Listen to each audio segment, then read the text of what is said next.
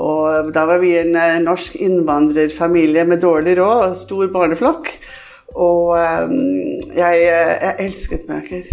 Jeg husker ikke når jeg begynte å lese, men, men jeg bare slukte dem. Altså, det var, det var aldri nok, og så var det ikke, det var ikke penger til bøker. Grete Meiheim, velkommen til Sølvbergets podkast. Ja, takk. Nå sitter vi på kontoret ditt på eh, Stavanger katedralskole, mer kjent som Kongsgård for alle som bor i eh, Stavanger-området. Eh, hvem er alle disse mennene på veggen rundt deg? Ja, det er portretter av tidligere rektorer, det. Mm. Wow. Har en fortsatt denne tradisjonen med at en får blir malt i stort format hvis en går av? Stemmer det. Er det Stemmer sant? Det. Ja, ja, ja. Oi, oi, oi. Mm. Ja, Hvordan er det å ha så mange øyne på seg?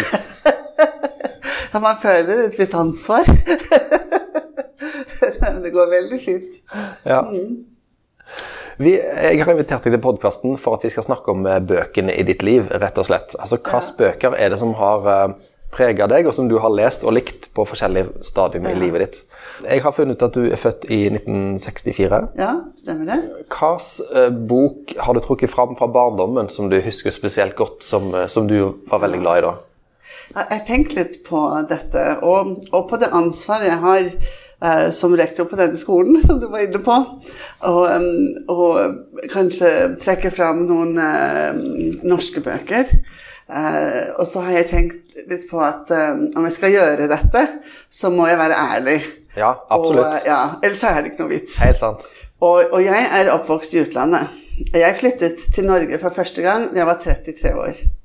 Så det betyr at jeg har ikke lest norske barnebøker før jeg var godt voksen. Så, så det er ikke de bøkene, altså de, ikke de norske bøkene som har påvirket meg som ung. Og, og, da må jeg bare si det, at det er sånn det er. Ja, ja. Var, eh, jeg bodde mange år i USA. Eh, flyttet dit da jeg var fem år. Og eh, bodde der helt fram til jeg var 33. Og da var vi en norsk innvandrerfamilie med dårlig råd og stor barneflokk. Og jeg, jeg elsket bøker. Jeg husker ikke når jeg begynte å lese, men men jeg bare slukte dem. Altså, det var, det var aldri nok, og så var det ikke, det var ikke penger til bøker. Så, så, jeg tok sykkelen fatt og syklet til biblioteket. Så var det en sånn regel der at um, du kunne låne fem bøker i uken, ikke mer. Så jeg lånte fem hver uke. Så jeg syklet, det var langt, kjempelangt, å sykle opp bakker og greier, og det var i en by. Og, og så kom jeg til biblioteket, og så måtte jeg velge de fem bøkene. Kjempevanskelig å velge. Og, og, så syklet jeg hjem, og så begynte jeg å lese. Og, og neste lørdag så var det å bytte dem, da. Ikke sant? Så, så, sånn var det hele barndommen. Eh, litt kanskje fordi at uh, mamma og pappa var litt imot TV. Sånn at uh, vi hadde ikke TV hjemme, stort sett. Og, og dette var um, ja, det var liksom en måte å se andre ting, oppleve ting på, og lese bøkene. Og, ehm, og, så husker jeg at eh, det var eh, en jul eh, da jeg fikk julegave fra min onkel. Han ga meg fire bøker. Jeg husker det så godt. Jeg vet at jeg ikke har hatt mange bøker. ikke sant? Og heldigvis så var de sånne kvalitetsbøker. Og, og, de kunne jeg lese om og om og om, og om igjen. Og det satte jeg veldig pris på. Og det var um, uh, På norsk heter de da 'Løven, heksa og klesskapet'. Og så var det et sprang i tiden. Og eh, 'Silkesverten' så var det en bok som jeg tror ikke er oversatt til norsk, som het 'National Velvet'. En sånn hest, jenter- og hestbok. type bok. Men jeg leste dem om og om og om igjen, kanskje hundre ganger. Det var så deilig å kunne lese dem om og om igjen. Jeg kunne jo låne samme bok på biblioteket, men da kunne jeg bare låne fire denne uken. ikke sant? Så jeg ville jo ikke gjøre det, så jeg ville bare ha nye. fordi at eh, ja, det gikk liksom på de fem som jeg kunne låne. Men, men disse her hadde jeg, og de, de leste jeg årevis. Så um, bøker har betydd veldig mye for meg gjennom oppveksten. Um, men når jeg skulle prøve å finne liksom, den ene boken som betydde mest for det en fryktelig vanskelig oppgave. du vet meg. Men um, jeg, jeg, tenker kanskje jeg velger 'Flukten til Watership', som var den som uh, betydde mest for meg. Det er en engelsk bok. Um, Richard Adams? Ja, stemmer det. Mm. ja. Og um, jeg var i syvende klasse når jeg leste den. Og jeg husker jeg måtte begynne tre-fire ganger, for starten er litt kjedelig. det var liksom å komme inn i den. Men da jeg først kom inn i den, så var den så fantastisk på så mange måter. Det å kunne se Altså, man, man ser livet, da fra perspektivet til noen harer. ikke sant?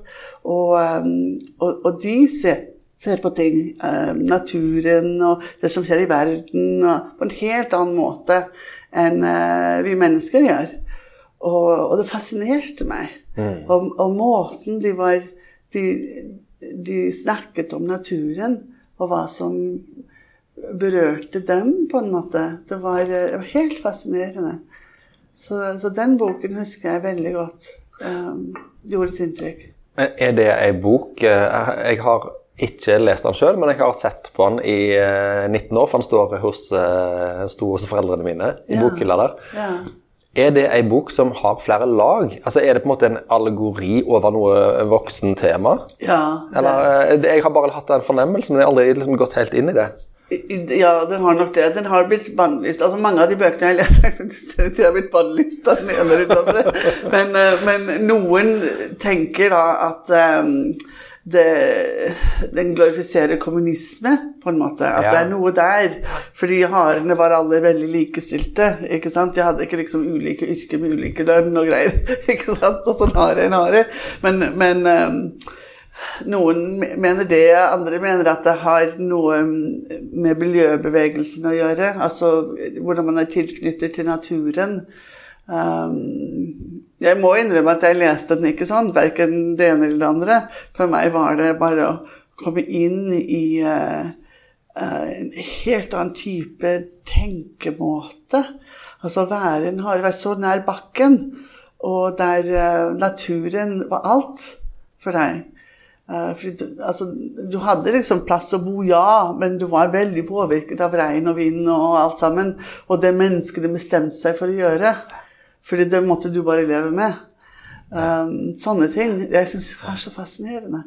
Så jeg tror kanskje det var starten for meg i, um, den type, med den type bok som jeg har likt gjennom hele livet, som er å finne uh, en, en, bok om andre kulturer, om andre perspektiver. Om uh, Det er en annen måte å se ting på. Så det har vært et sånt tema gjennom uh, min boklesing. da. Det er, det er den type bok som appellerer til meg. Der jeg kan ja, plutselig være en annen, helt annen plass og tenke på en helt annen måte. Mm. Ja. Hadde det noe å gjøre med at du bodde i, i USA å gjøre? Nei, jeg tror ikke det. Jeg tror ikke det er så vanskelig å være norsk i USA. Så, så jeg tror ikke vi, vi, opplevde det. Altså, I den grad det var vanskelig, så handlet det nok mer om at vi var innvandrere med dårlig økonomi. Det var nok det som var uh, strevet, om det var noe strev. Men, uh, men, akkurat det å være norsk er ikke vanskelig. Kulturen kulturene er ikke så ulike. Og vi bodde i delstaten Washington, altså utenfor Seattle. Det er kjempemange nordmenn der. Jeg hilste på kong Olav der en gang. Altså, du kan kjøpe brunost og Solo. og Det er, altså, det er liksom litt fornorsket, da, i hele området. Ja. Så, ja. ja. Hvis vi gjør et lite sprang, da, eh, og går eh, fram til sånn cirka midten av livet i forhold til der du er i dag Hvis vi er i 20-årene et sted, hva, hva bøker har, eller bok har du kommet fram til da? Ja. Det er vanskelig. Altså, jeg, jeg vet ikke akkurat når jeg har lest hva, på en måte. Så, så det, det syns jeg er veldig vanskelig. Men jeg har bare trukket fram noen bøker som jeg har tenkt har, eh, har betydd mye for meg, og som jeg har lest opptil flere ganger. Fordi jeg tenker at kanskje det sier mer om om jeg leste det når jeg var 25 eller 32, liksom. Eller, ja, ja. ja, ikke sant? Og um, og da er det en som er um, Det er en bok som er plassert i andre verdenskrig, men det handler bare litt om andre verdenskrig. Det handler om mange andre ting òg. Og det er um, 'All the light we cannot see', altså alt lyset vi ikke ser, som er plassert i andre verdenskrig. En blind jente. Og, og hennes opplevelser. Og, og altså det var liksom Det handlet ikke om holocaust, på en måte. Altså, det, det, var ikke det.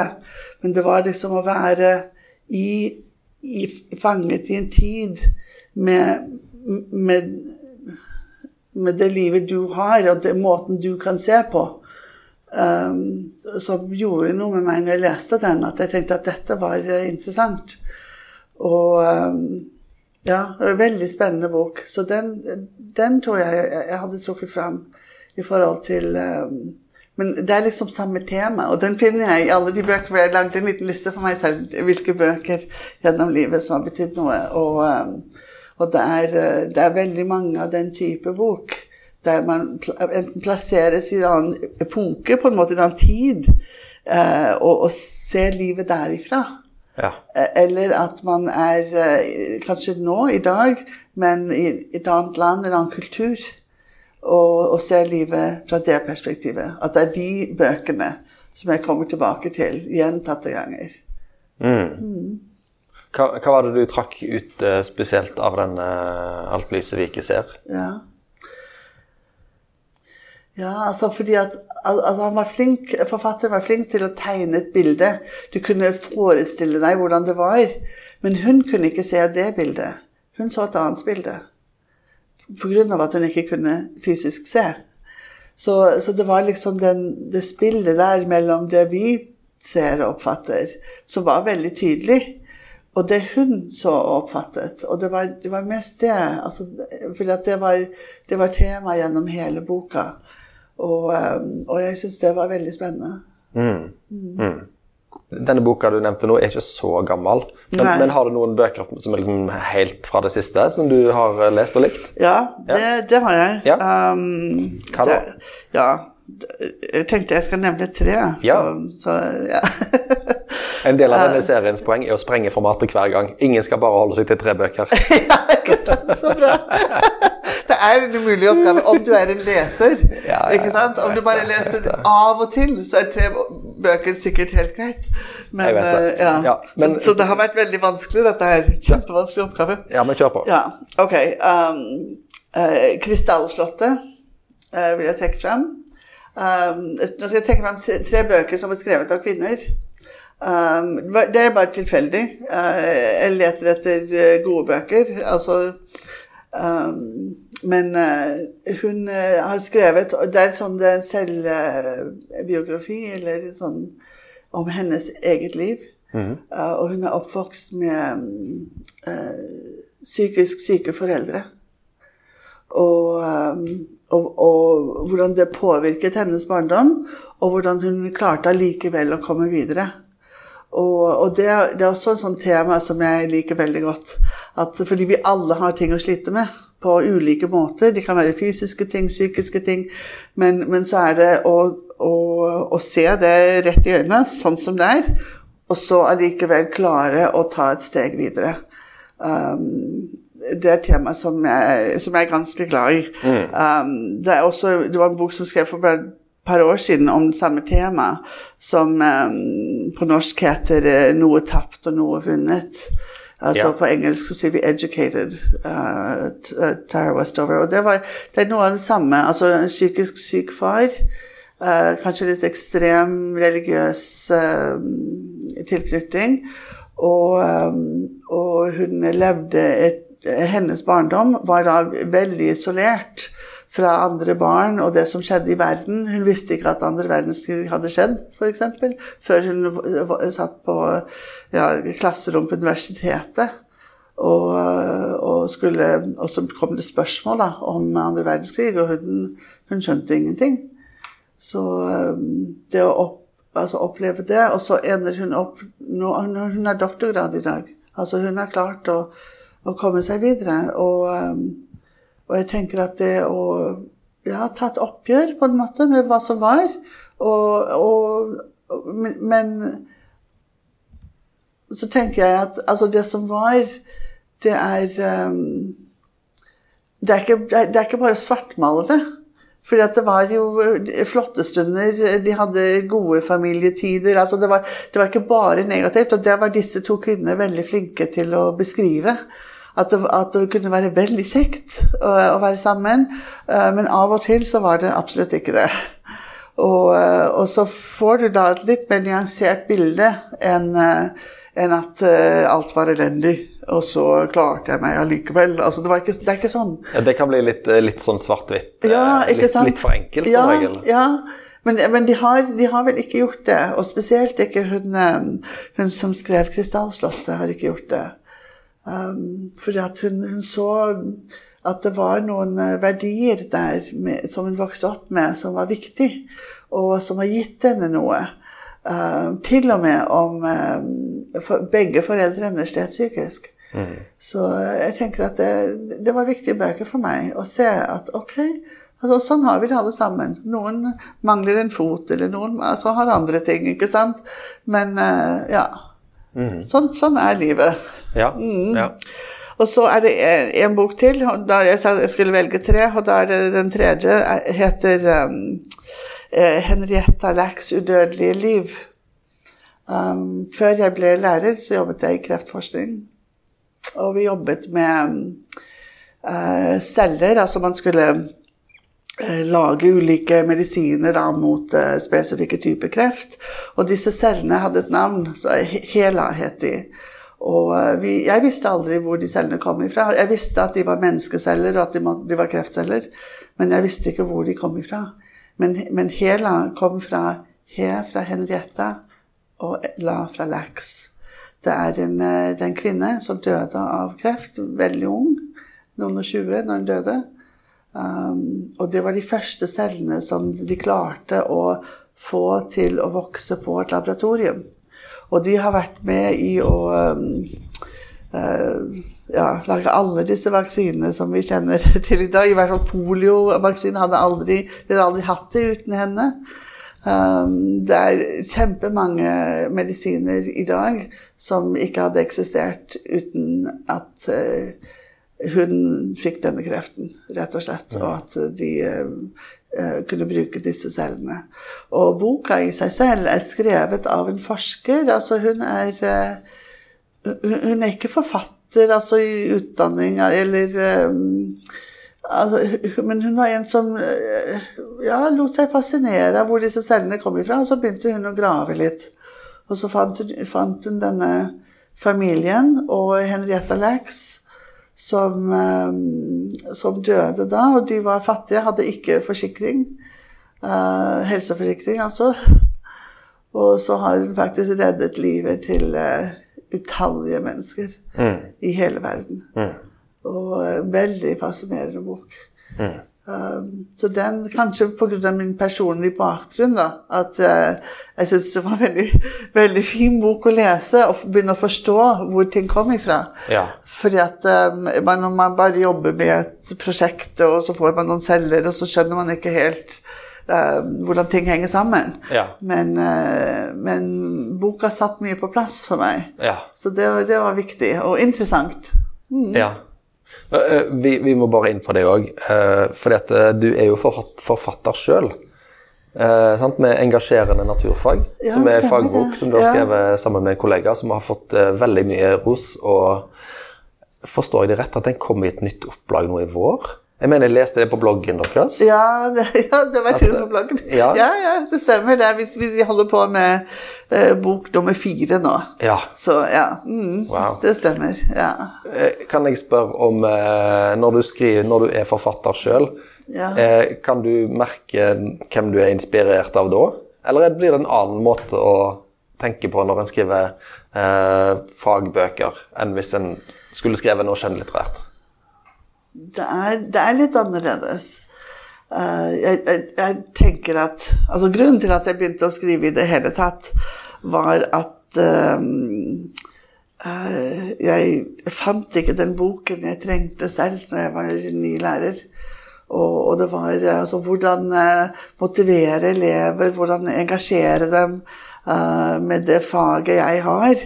Og eh, og det tok veldig mye tid, prøving og feiling, og prøve for å finne fram til opplegg som ville fungere. Og etter hvert så begynte jeg å, å tenke litt på hvor viktig det var at elevene snakket faget med egne ord, og at de bearbeidet stoffet. At jeg skulle ikke bare stå og bable ved tavlen, liksom. At det var, det var andre måter som, var, som funket bedre for elevene.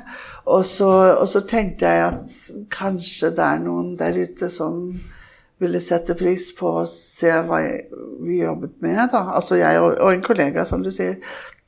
Og, og så ble det til en første bok som vi hadde kjempeproblemer med å få publisert.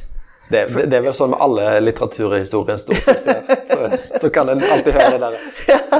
Ja, jeg husker de kalte det for eh, et økonomisk tapsprosjekt. Forlagene. Er det nå jeg skal spørre hvor mye han har solgt i?